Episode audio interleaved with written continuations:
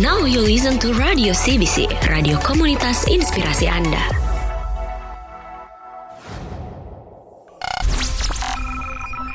CBC Special Day.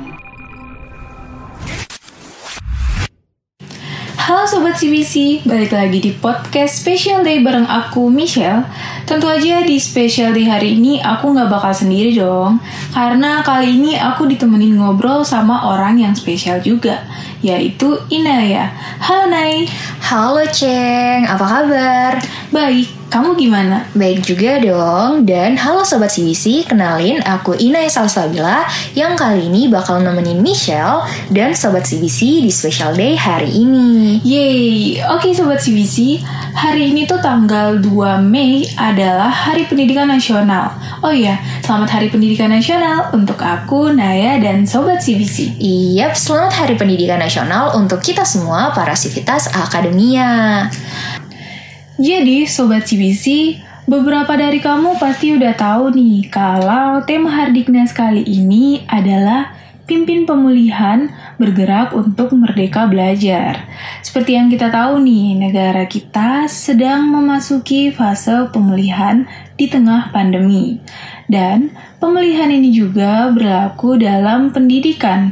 Salah satunya adalah pemulihan sistem pendidikan yang lebih memerdekakan anak-anak di Indonesia untuk belajar. Kalau dari yang aku lihat nih, sekarang anak-anak di Indonesia belum bisa memilih apa yang mereka mau lakukan dan pelajari. Iya, bener banget nih Ceng. Masih banyak anak-anak di Indonesia yang belum dapat memilih, terutama dalam hal pendidikan.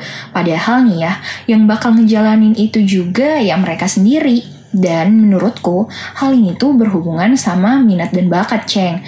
Masih banyak anak yang belum bebas mengembangkan bakatnya.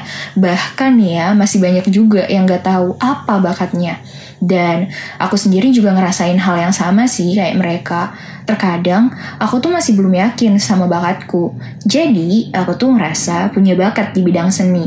Aku bisa gambar dan ngelukis. Waktu SD aku juga pernah ikut kursus lukis, tapi ya berhenti di situ aja. Dan semenjak SMP nih sampai sekarang di bangku kuliah, aku tuh gak pernah ngembangin bakat lukisku lagi. Dan aku ngerasa kayak dimotivasi, gak punya alasan untuk ngembangin bakat lukisku.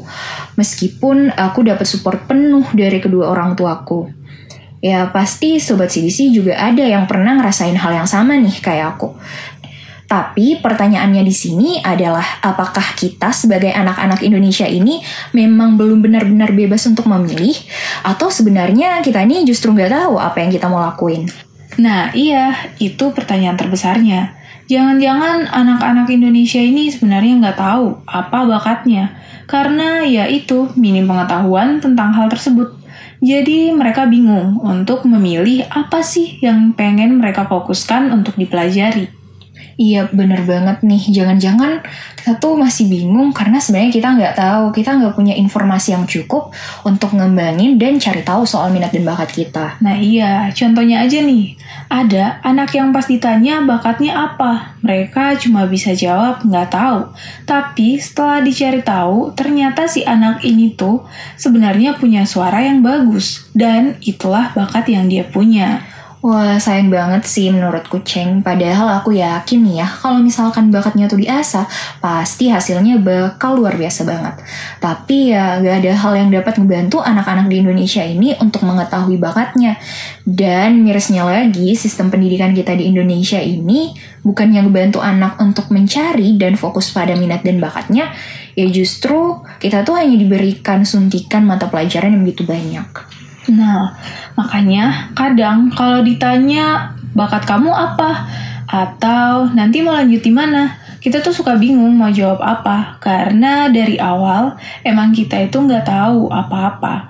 Apalagi pas lebaran kemarin nih, pasti banyak sobat CBC yang dapat pertanyaan kayak nanti lanjut di mana, Apalagi kita kan anak komunikasi yang pasti banyak dapat pertanyaan tentang skill yang kita punya. Iya, aku relate banget sih Ceng sama pernyataan kamu tadi. Apalagi aku nih lintas jurusan dari basicnya anak IPA banget, eh malah masuk komunikasi. Dan Sobat CBC juga mungkin ngalamin hal ini. Berhubungan sama pembahasan kita sebelumnya tadi nih Ceng soal bakat. Hal ini tuh ternyata terjadi karena masih banyak anak yang belum tahu bakatnya.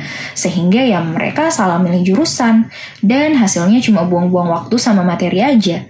Kayak temenku nih, contohnya ada yang gapir karena dia tuh nggak tahu mau pilih jurusan apa. Terus ada juga yang pindah jurusan dari awalnya jurusan fisika, terus dia ngerasa nggak cocok sama jurusan itu, akhirnya dia pindah ke jurusan lain.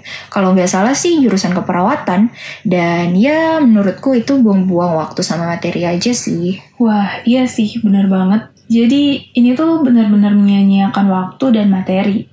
Oh ya, bukan cuma waktu pilih jurusan kuliah aja sih, Nay, tapi juga setelahnya. Nah, setelah kuliah dan mempelajari sesuatu selama kurang lebih 4 tahun, ujung-ujungnya cuma jadi pegawai bank atau penjual online.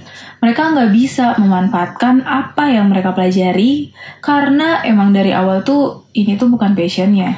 Iya, tapi nggak semuanya bener-bener nggak tahu apa bakatnya sih, Ceng. Ada juga nih yang sejak kecil udah tahu apa bakatnya, apa kesukaannya, tapi ya terhalang sama banyak hal. Salah satunya nih, dukungan orang tua. Padahal nih ya, orang tua tuh punya peranan yang penting banget dalam menemukan dan mengembangkan bakat anak. Pertama nih, orang tua tuh punya peranan untuk memperkenalkan kepada anaknya tuh banyak hal sejak dia kecil. Sehingga bakat si anak tuh bisa diasah dan ketika dia dewasa nanti, dia tuh bisa dengan mudah memilih bakatnya tuh apa. Bisa tahu dengan mudah lah bakat dia tuh apa. Kedua, orang tua ini juga punya peran yang penting untuk jadi supporter terbesar bagi anaknya, bukan malah ngekang mereka. Setuju banget, Nay. Orang tua di sini tuh punya peran yang sangat penting. Salah satu kasus yang pernah aku dapat, ada nih anak yang terhalang restu orang tua. Jadi dia ini punya bakat menggambar. Nah, sayangnya orang tua dia masih punya pemikiran kolot tentang jurusan kuliah.